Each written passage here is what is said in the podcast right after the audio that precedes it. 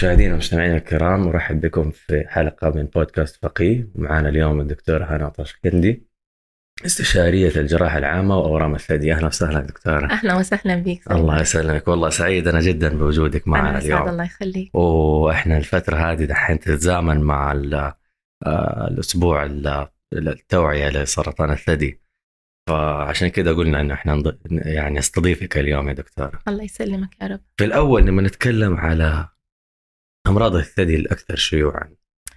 طبعا أكثر من 80% من أورام الثدي هي عبارة عن أورام حميدة. النسبة القليلة منها هي ممكن تكون خلايا سرطانية أو فيها أورام خبيثة لكن الأغلب كلها أورام حميدة. في البداية قلنا نتكلم على موضوع السرطان يعني دائما الناس تقول يعني هو يعرفوا يعني هو أكثر الأمراض الخبيثة و- وأغلب الناس كمان بيرحلوا بسبب المرض هذا. بس يعني ما ندخل في التفاصيل عادة عن إيش السرطان بالضبط. السرطان سليمان هو عبارة يبدأ من خلية واحدة. الخلية هذه لسبب أو لآخر حصلت فيها طفرة جينية. الطفرة الجينية هذه خلت ال- الكمبيوتر سيتنج حقت الخلية بيتغير. إيش يعني؟ يعني تحولت من خلية طب- طبيعية أنا أقول لهم صارت خلية مجنونة. إيش يعني خلية مجنونة؟ صارت تتكاثر بشكل غير طبيعي تنقسم بشكل غير طبيعي لها تصرفات غير طبيعية. بمعنى أنه لها القدرة على اختراق الأنسجة. المفروض مثلا إنه خلايا الثدي تفضل في الثدي لكن الخلية السرطانية في الثدي لها القدرة على اختراق الأنسجة. يعني بتخرج من مكانها في الثدي ممكن تمشي في الأوعية الليمفاوية وتنتقل إلى الإبط. ومن الإبط هناك عن طريق الأوعية الليمفاوية ممكن تنتشر لبقية الجسم. يعني الخلايا السرطانية للثدي لها القدرة على الانتشار إلى الرئة أو الكبد أو الدماغ والعظام. طب إيش الفرق بين الخلية العادية والخلية السرطانية؟ ال- الخلية العادية هي عبارة عن خلية الكمبيوتر setting حقها ما أتغير.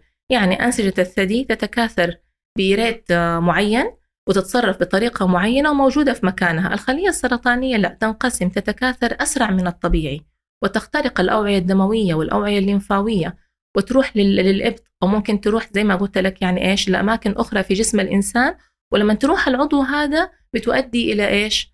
آه إنها تغير الفانكشن حقته. فهذه هي الخلية السرطانية. طبعا هذا بيعتمد على حسب المرحلة. يعني في البداية ال- الخلية هذه الخبيثة بتكون فقط موجودة في الثدي. وكل ما تأخرنا حجمها بيكبر أو بيزيد أو ممكن إن هي تتحرك من مكانها وبتروح طيب لأماكن الحين أخرى. لما الأشخاص اللي بيتوفوا من السرطان هم بيتوفوا لأنه الأعضاء بتتغير زي ما ذكرت ال functions حقتها أو Yes, yes. أو بتتصرف بطريقه يعني. غير طبيعية. غير طبيعية. نعم. يعني مثلا خلينا نقول مثلا لو السرطان انتشر في الرئة إيش بيصير في الرئة نفسها؟ بي- بيأذي الرئة. بي- بيبدأ يصير أشياء آه، مثلا إنه الأنسجة الرئة الطبيعية بتتبدل وتطلع فيها بؤر آه، البؤر هذه نسميها metastases أو بؤر سرطانية. لو حطيناها تحت الميكروسكوب حتلاقي فيها خلايا ثدي غير طبيعية. اتربليس ال lung tissue وممكن لا قدر الله يكون في نوع من أنواع السوائل تتجمع ناحية ال- الرئة أو إنه هي تؤثر على الشعب ال- ال- الهوائية بيأثر على التنفس. يعني بتؤدي إلى تخريب أو أذى العضو اللي هي راحت له. ما المفروض إنه خلايا الثدي تكون موجودة في المكان في النهاية ده؟ خلاص يعني مثلا ال- الرئة في الحالة هذه خلاص تبطل تشتغل؟ ال function حقتها بتتأثر طبعا.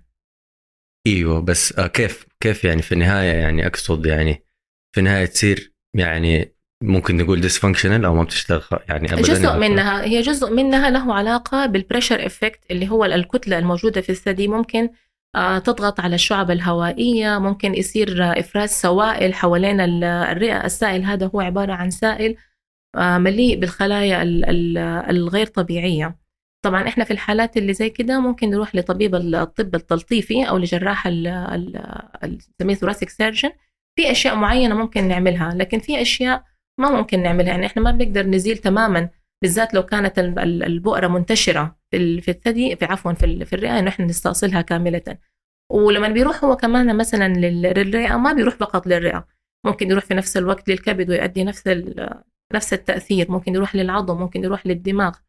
فإحنا ما نبغى نوصل لهذه المراحل. عموما حتى في حالات اللي ممكن أوصل فيها هذه المراحل حاليا مع التقدم في العلاج التلطيفي والعلاجات ال- ال- المساندة والمساعدة ممكن برضو يعني نساعد على التحكم في الورم. يعني مو معنى إنه الورم انتشر من مكانه وراح لأعضاء أخرى إنه هذه نهاية نهاية القصة. مهم. لا لا زال هناك في يعني أمل ولا زال هناك في علاجات كثيرة ولا زال ال- ال- التحكم بالمرض ممكن بالذات مع التقدم في العلاجات ال- الموجودة حاليا. طيب بالنسبة للماموجرام إيش الماموجرام يا دكتور؟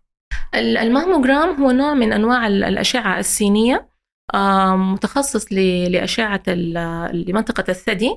ال- الأشعة هذه حاليا صارت رقمية بمعنى إنه آه، صارت كثير دقيقة. إمكانية تكبير ال- ال- البؤرة تحت ال- ال- الشاشة بتكون ممكنة. ال- الغرض من عمل الأشعة هذه هو اكتشاف ال- الورم آه، في مراحل مبكرة جدا اللي هي المراحل اللي حتى لسه صار الو- الورم فيها غير محسوس. بالذات الأجهزة الرقمية الحديثة الموجودة حاليا ممكن تكتشفها والورم حجمه تقريبا 2 أو 3 ملم. فهذا واحد اللي هو لل screening أو لاكتشاف الأورام مين المبكرة الفئة العمرية المستهدفة للماموجرام منها تسوي الماموجرام؟ طبعا ال- الماموجرام آه، الفئات المستهدفة منه مجموعتين نقسم الناس اللي هم ال normal risk group الناس اللي ما عندهم risk آه، أو ما عندهم خطورة عالية والناس اللي عندهم خطورة عالية نتكلم أول شيء عن ال normal population أو الناس العاديين اللي ما. عندهم تاريخ مرضي في الأسرة لسرطان الثدي آه، ما عندهم استعداد جيني وراثي للإصابة بسرطان الثدي. هدول الناس ال screening حقهم المفروض يبدأ من عمر الأربعين.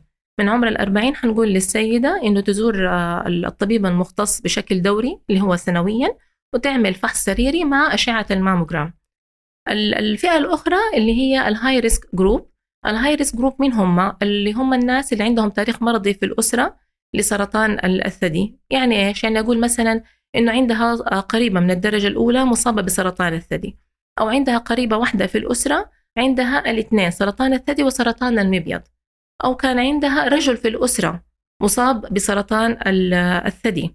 أو كان في عندهم في الأسرة آه، الطفرة ال- ال- الوراثية المسببة لسرطان الثدي اللي هو نسميه براكا 1 and براكا 2 mutation بس آه لا أقاطع كلامك دكتور أنت قلت كمان الرجال ممكن يصابوا بسرطان الثدي yes ال normal population نسبة إصابة إصابة السيدات بسرطان الثدي واحدة من أصل ثمانية سيدات وهذه الإحصائية عالمية. أوف. بالنسبة للرجال رجل واحد من أصل 8000 رجل. okay. طبعا جزء كبير من الموضوع ده لأنه سرطان الثدي من من السرطانات اللي لها علاقة قوية بالهرمونات أو الهرمونات الأنثوية. مم. طبعا الرجال والنساء كلهم عندهم نسبة من من الهرمونات الأنثوية. يعني الرجال برضو عندهم هرمون الإستروجين لكن بنسبة مختلفة. لكن لما يكون في رجل في الأسرة مصاب بسرطان الثدي هذا بيحطنا أمام احتمالية وجود طفرة جينية مسببة لسرطان الثدي. فلازم الشخص هذا يعمل الفحص الجيني. ولو كان آه، في طفرة جينية المفروض إنه الناس في أو ال- الأفراد الأسرة يعملوا الفحص هذا. على أساس إنه لو كان هم كمان مصابين بالطفرة الجينية ممكن ناخذ يعني خطوات إيش؟ يعني مبكرة لمنع حدوث ال- المشكلة طيب إيش علاقة الأستروجين يعني بسرطان الثدي؟ طبعا جزء كبير من أورام وسرطانات الثدي تعتمد على هرمون الإستروجين للنمو والتكاثر يعني نسميه زي ال growth factor يعني إيش؟ يعني لو في خلية آه، غير طبيعية مع تعرضها لهرمون الإستروجين بيخليها تنمو وتنقسم وتتكاثر علشان كده السيدات مصابات أكثر أو نسبة تعرضهم لسرطان الثدي أكثر من ال- الرجال ال ال في ناس مثلا اللي بياخذوا العلاج ال- الهرموني البديل لأسباب متعددة منها اللي هو ال premature مثلا ovarian failure أو الانقطاع المبكر لل- للدورة اللي ممكن يحصل عند بعض السيدات أو حتى انقطاع الدورة في وقتها. لو السيدة بدها تاخذ أي علاجات هرمونية لأن العلاجات الهرمونية هذه جزء كبير منها عبارة عن استروجين المفروض السيدة ما تاخذ الهرمون البديل قبل ما تطمئن إنه ما عندها آه، بؤرة غير طبيعية في الثدي لأنه الخلية أو عفوا هرمون الإستروجين بيخلي أي بؤرة غير طبيعية آه، تكبر وتتكاثر يصير زي. ال growth factor يعني إيش نمو بيساعد ال- الخلية الغير طبيعية على الانقسام طب وحبوب منع الحمل إيش علاقة حبوب منع الحمل بسرطانات الثدي عموما؟ آه، حبوب منع ال- الحمل فيها نسبة من هرمون الإستروجين وهرمون البروجسترون آه، هل حبوب منع الحمل آه، ممكن تؤدي إلى إصابة بسرطان الثدي؟ كل الأدوية أنا دائما أقول لهم في الدنيا لها يعني آثار جانبية محتملة من ضمنها حتى البنادول. يعني معنى ما في أي دواء في الدنيا هذه آمن بنسبة آه، 100% طيب لكن إحنا بنشوف قد إيش إنه الشيء هذا ممكن يأذي السيدة. يعني احتمالية آه، يعني تأثر السيدة سلبيا آه، من ناحية سرطان الثدي مع حبوب منع الحمل جدا جدا جدا إيش؟ يعني ضئيلة بس ما هي صفر بس. جدا جدا ضئيلة. لكن إحنا بنخاف أكثر من العلاجات الهرمونية بالذات بعد سن الأربعين. يعني تعرض الإنسان للأورام بشكل عام ومن ضمنها سرطان الثدي بيزيد مع احتمالية الإز... مع مع زيادة العمر.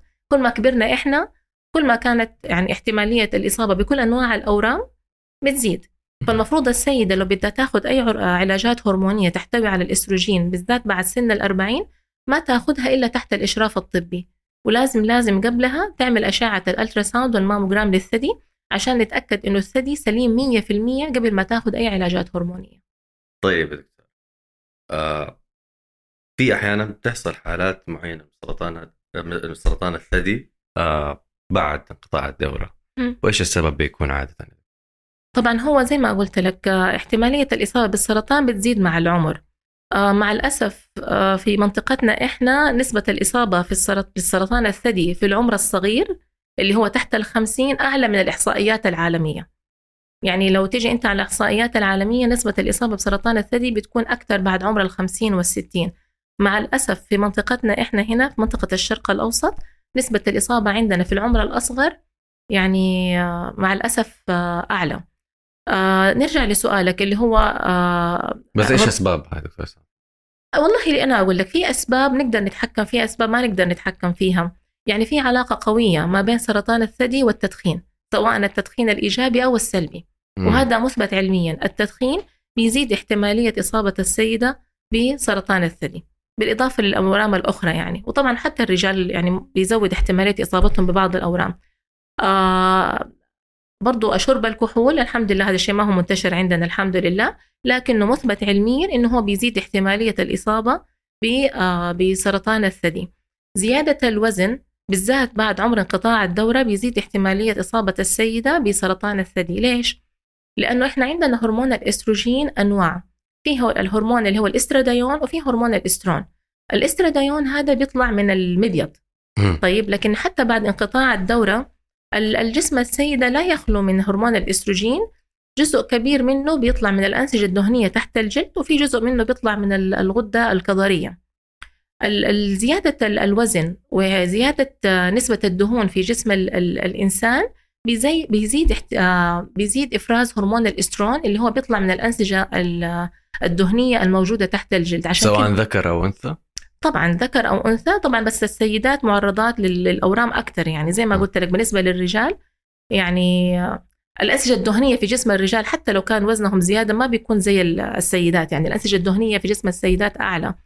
فالهرمون الإسترون هذا وبالذات بعد انقطاع الدورة بيزيد احتمالية إصابة السيدة ب- آه، بسرطان الثدي. علشان كده نقول إنه لازم نحاول قدر المستطاع إن إحنا نحافظ على وزن آه، وزن آه، صحي. نتجنب زيادة الوزن لأنه زيادة الوزن بتزيد ال- ال- الأمراض بشكل عام وبتزيد احتمالية الإصابة بسرطان الثدي. طيب هو دائما في الكابوس الكبير اللي هو استئصال الثدي أي يعني عند النساء. دي كمان لها مشاكل نفسية بت- بتعدي عليها المرأة وكذا. بس طب متى بيتم استئصال الثدي؟ طبعا آه، زمان كان مربوط إنه والله سرطان الثدي يعني استئصال للثدي. هذا الكلام not applicable anymore. ليش؟ لأنه أول شيء سرطان الثدي لا يعني استئصال كامل للثدي في كل الحالات. الشيء الثاني ما في علاقة ما بين المرحلة واستئصال الكامل للثدي. قرار استئصال الثدي بشكل كامل يعني يعتمد على عوامل كثيرة وحنتكلم برضو عن استئصال الثدي بشكل كامل. يعتمد على حسب البؤرة المصابة. بمعنى ال لو كانت في بؤرة واحدة فقط في الثدي مصابة وبقية أنسجة الثدي سليمة في احتمالية كبيرة أنه إحنا فقط نستأصل ال- ال- البؤرة المصابة مع أطراف آمنة وما ما نستأصل الثدي كامل. وحاليا عندنا خيارات ترميمية كثيرة متاحة بحيث إنه إحنا نقوم باستبدال الأنسجة الثدي اللي ما اللي تم استئصالها بأنسجة موجودة في جسم السيدة نفسها وبتعطي في النهاية آه، شكل وحجم و contour يعني آه، تقريبا طبيعي من غير ما كم في المية تقريبا بيكون؟ زي الطبيعي يعني كم في المية تقريبا؟ almost almost يعني تقريبا أكثر من 90 إلى 100% بيكون ممكن أحيانا فقط في ندبة خارجية يعني. تزيد أو تنقص يعني. ال- ال- استبدال الأنسجة واثار الخياطة تكون ظاهرة ولا؟ طبعا لازم يكون في ندبة لكن حاليا في عندنا علاجات كثيرة وكريمات كثيرة وأشياء كثيرة ممكن نستعملها بحيث إنه هي يعني تحسن شكل الندبة.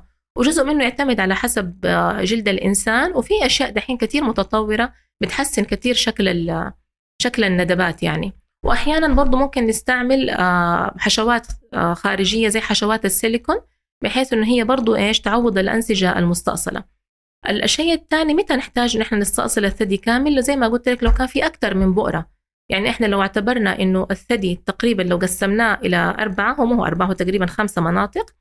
لو كانت في أكثر من بؤرتين أو ثلاثة بؤر. حتى لو كانت بؤرات صغيرة ما حنقدر نستأصل جزء من هنا ومن. هنا ومن هنا حيطلع الشكل يعني غير غير لطيف يعني. طيب. ففي تلك الحالات ممكن إحنا نستأصل أنسجة الثدي الداخلية من الداخل وبعد كده نستبدلها بأنسجة من جسم الإنسان نفسه سواء من البطن أو من الظهر أو حشوات خارجية بحيث إنه الشكل الخارجي الجلد الحلمة تكون طبيعية جدا. لكن يعني استبدلنا ال- ال- الحشوة الداخلية في الثدي بأنسجة أخرى سواء يعني زمان طبيعية. كانت السيليكون. يعني الآن صارت هذه تعتبر بديل للسيليكون. يعني على حسب الحالة. يعني لازلنا حتى الآن نستعمل السيليكون في بعض الحالات وممكن نستعمل أنسجة ال- ال- الجسم نفسها. يعني هي إحنا بنفصل الخطة العلاجية على حسب آه، المريضة نفسها. إيش نقدر نعمل إيش ما نقدر نعمل. والخيارات الترميمية دحين صارت جدا جدا آه، جدا واسعة. طيب ابغاك يا دكتورة تدخلي أكثر في أهمية الاكتشاف المبكر.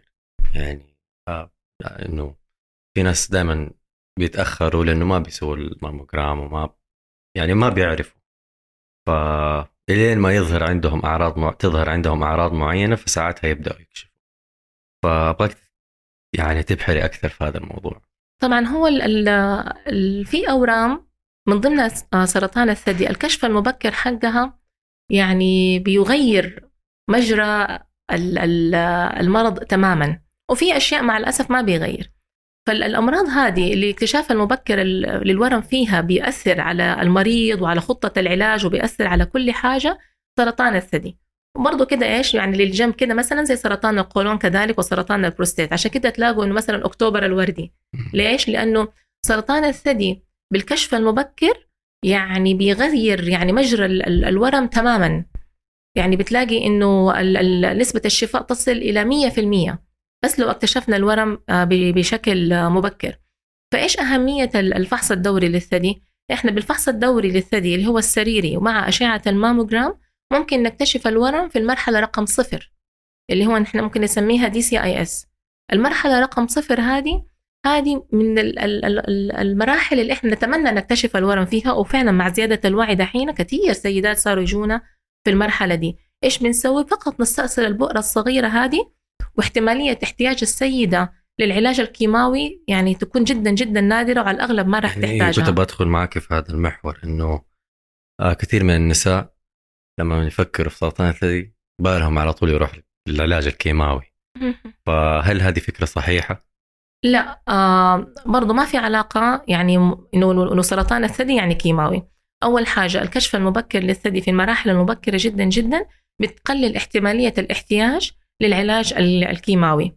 وفي برضو دحين في عندنا test معين فحص معين نستعمله في بعض الحالات آه بالذات لو كانت ال- العقد الليمفاوية غير مصابة أو حتى لو كانت مصابة في test معين ممكن نعمله بنشوف هل الورم هذا يحتاج علاج كيماوي إيوه أو لأ. أوكي. فلو كان ال- الورم هذا على حسب الفحص هذا يحتاج كيماوي عملنا. لو ما يحتاج ما رح يع- نعمله. فدحين يعني طرق التشخيص وال- وال modality صارت كثير يعني أحسن بكثير من زمان. ففي مرضى كثير ما بيحتاجوا علاج كيماوي. أيضا علشان الورم أكتشف مرحلة جدا مبكرة أو إنه الورم حقهم أساسا ما بيحتاج كيماوي. فهذه هي أهمية إنه المريض يروح للطبيب المختص علشان يعني يديله العلاج الصحيح العلاج ال- المناسب لحالته يعني. جميل جميل دكتور. طيب كيف نقلل من احتمالية إصابة النساء بسرطان الثدي؟ طبعا إحنا عندنا risk factors أو عوامل خطر في أشياء نقدر نتحكم فيها في أشياء ما نقدر نتحكم فيها. لو نقول مثلا الأشياء اللي ما بنقدر نتحكم فيها مثلا زي آه، زيادة العمر. إحنا قلنا احتمالية الإصابة بالأورام بشكل عام من ضمن سرطان الثدي بتزيد مع احتمالية العمر. ما في أحد بيقدر يتحكم في الموضوع ده. ال- ال- التاريخ المرضي في الأسرة برضو ما في أحد بيقدر يتحكم بشفرته الوراثية يعني. لكن في أشياء إحنا ممكن نعملها بتقلل احتمالية الإصابة. يعني إيش؟ يعني عدم التدخين سواء إيجابي أو سلبي. التدخين السلبي إنه تجلس مع إنسان مدخن طول النهار. فالامتناع عن التدخين الحفاظ على وزن آه، طبيعي أو صحي. زي ما قلنا هذا بيقلل احتمالية الإصابة بالسرطان. ممارسة الرياضة برضو ممارسة الرياضة بتقلل احتمالية الإصابة بسرطان الثدي. آه، نوعية الطعام الالتزام بنمط غذائي صحي غني بالبروتينات النافعة غني بالدهون النافعة الإقلال من المواد المصنعة. ال Mediterranean diet يا دكتوره تقصدي؟ ال Mediterranean diet حلو. الواحد يبتعد عن الأغذية المصنعة. مع الأسف دحين لو نروح على السوبر ماركت يعني نلاقي إنه العربية حقتنا مليانة بال processed food ال processed food هذا فيه له كمية كبيرة من المواد المعدلة المعدلة وراثيا فيها كثير من أنواع الدهون الضارة. هذه كلها بتأثر على جسم الإنسان. إيش البروسيسد فود يعني زي أشياء زي ال hot dog والأشياء هذه هذا يعني؟ هذا إلزامي. هذا عبارة عن سم. ما المفروض إنسان ابدا ياكل لا hot dog ولا لحوم مدخنة. يعني هذه أساسا مثبتة علميا إيش اللحوم؟ زي المرتديلا والاشياء هذه كيف process هذه كلها آه، لحوم معالجة. كلها هذه لحوم معالجة وال smoked meat آه اللحوم المدخنة هذه مثبتة علميا بتزود احتمالية الإصابة بسرطانات الجهاز الهضمي. ال smoked salmon طيب دكتور ال smoked salmon يعني هو شوف الأكل المدخن بشكل عام لو نقدر نستغنى عنه أفضل. ما هو كويس. أكيد ما هو كويس. إيش السبب؟ لأنه هذه كلها فيها آه فيها مواد ضارة. ما هي أشياء طبيعية؟ فيها مواد معينة ضارة وهذه الأشياء بتزود الاحتمالية. يعني ال smoked food أو ال smoked meat مثبت علميا بيزود احتمالية الإصابة بسرطانات الجهاز الهضمي. ال hot dog هذا المفروض ما حد يأكل منه ولا يدخله بيته ولا المرتديلا هذه كلها بتزود مكتوبة في الكتب. يعني ما هم أنا ما بعرف ليش لغاية دحين بتتصنع وبتتباع. بتزود احتمالية الإصابة. يعني الأم اللي بتعمل لأولادها سندوتشات في الصباح على المدرسة هي ما بتعطيهم أكل بتعطيهم سموم actually مع الأسف. ف yes المفروض اللحوم المع... اللي زي كده المفروض ما نأكلها لأولادنا لأنه هذه فعلا كلها عبارة عن سموم مع الأسف. والله مشكلة كبيرة يعني.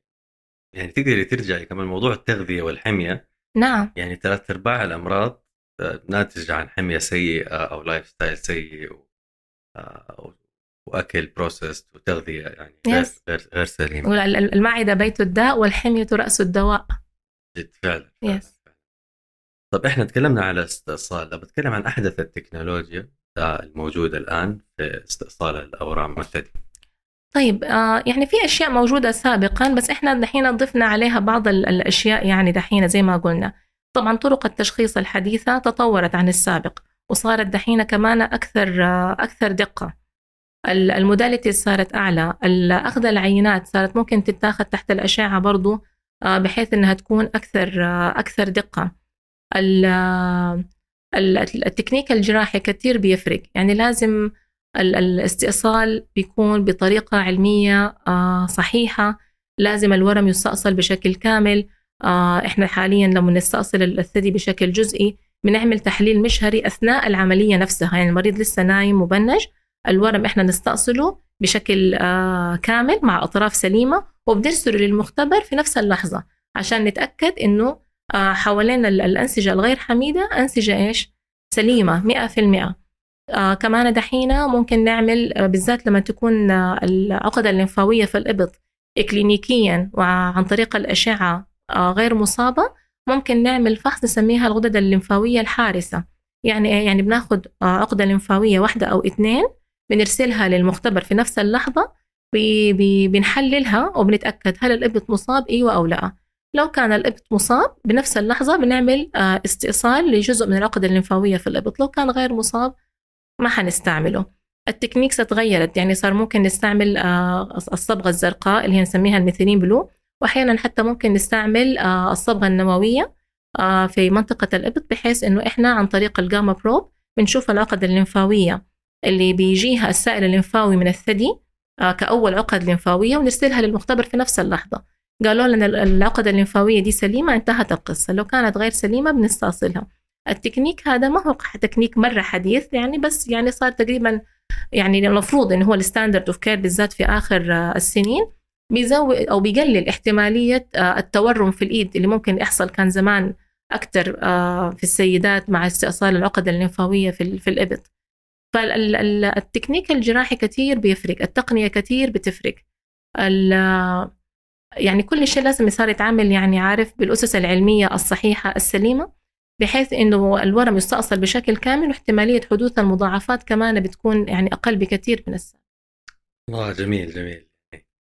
الصراحة كانت حلقة جميلة الله يسلمك يا رب. أنا أحس إن أنا من البرنامج ده يمكن بعد كم سنة ممكن تصير دكتور يعني من كثر المعلومات الحمد لله باخذها. يعني أنا أنصح جميع والله المتابعين عندنا الحمد لله حلقات في آه، يعني محاور كثيرة في الطب سواء في السرطانات عملنا حلقات في الطب النفسي آه، في الطب الرياضي في أمور الانف والأذن والحنجرة. فيعني إحنا الآن يعني في صدد إنه من خلال هذا البرنامج يكون عندنا مكتبة طبية متكاملة لجميع التخصصات. وإحنا الصراحة سعيدين جدا بوجودك معنا يا دكتورة. كانت حلقة ثرية. شكرا والله يعني سليمان على على الاستضافة. وفعلا يعني آه، شكرا على منبرك اللي فتحته لينا علشان نوصل لكل السيدات والسادة في في المجتمع. والحمد لله الحمد لله نسبة الوعي كثير زادت في السنوات الأخيرة جزء منها طبعا السيدات في مجتمعنا صاروا أكثر وعيا. وبرضو جهودكم أنتم آه، كسوشيال ميديا حاليا أثرت كثير في المجتمع فدوركم كثير فعال في التوعية. الله يعطيكم العافية. الله يعافيك. خلاص إحنا بما إن إحنا الآن في الأسبوع العالمي لسرطان الثدي آه لا أنصح جميع النساء سواء آه كبار السن أو صغار السن كلهم آه يكشفوا آه عشان طبعا يعني هذا أفضل زي ما تقولي التقليل يعني من احتمالية آه انتشار السرطان والاكتشاف المبكر. فشكرا لكم وشكرا لك يا دكتور. شكرا لك عليكم تسلم. الشكر لكم. شكرا. الله يسمع السلام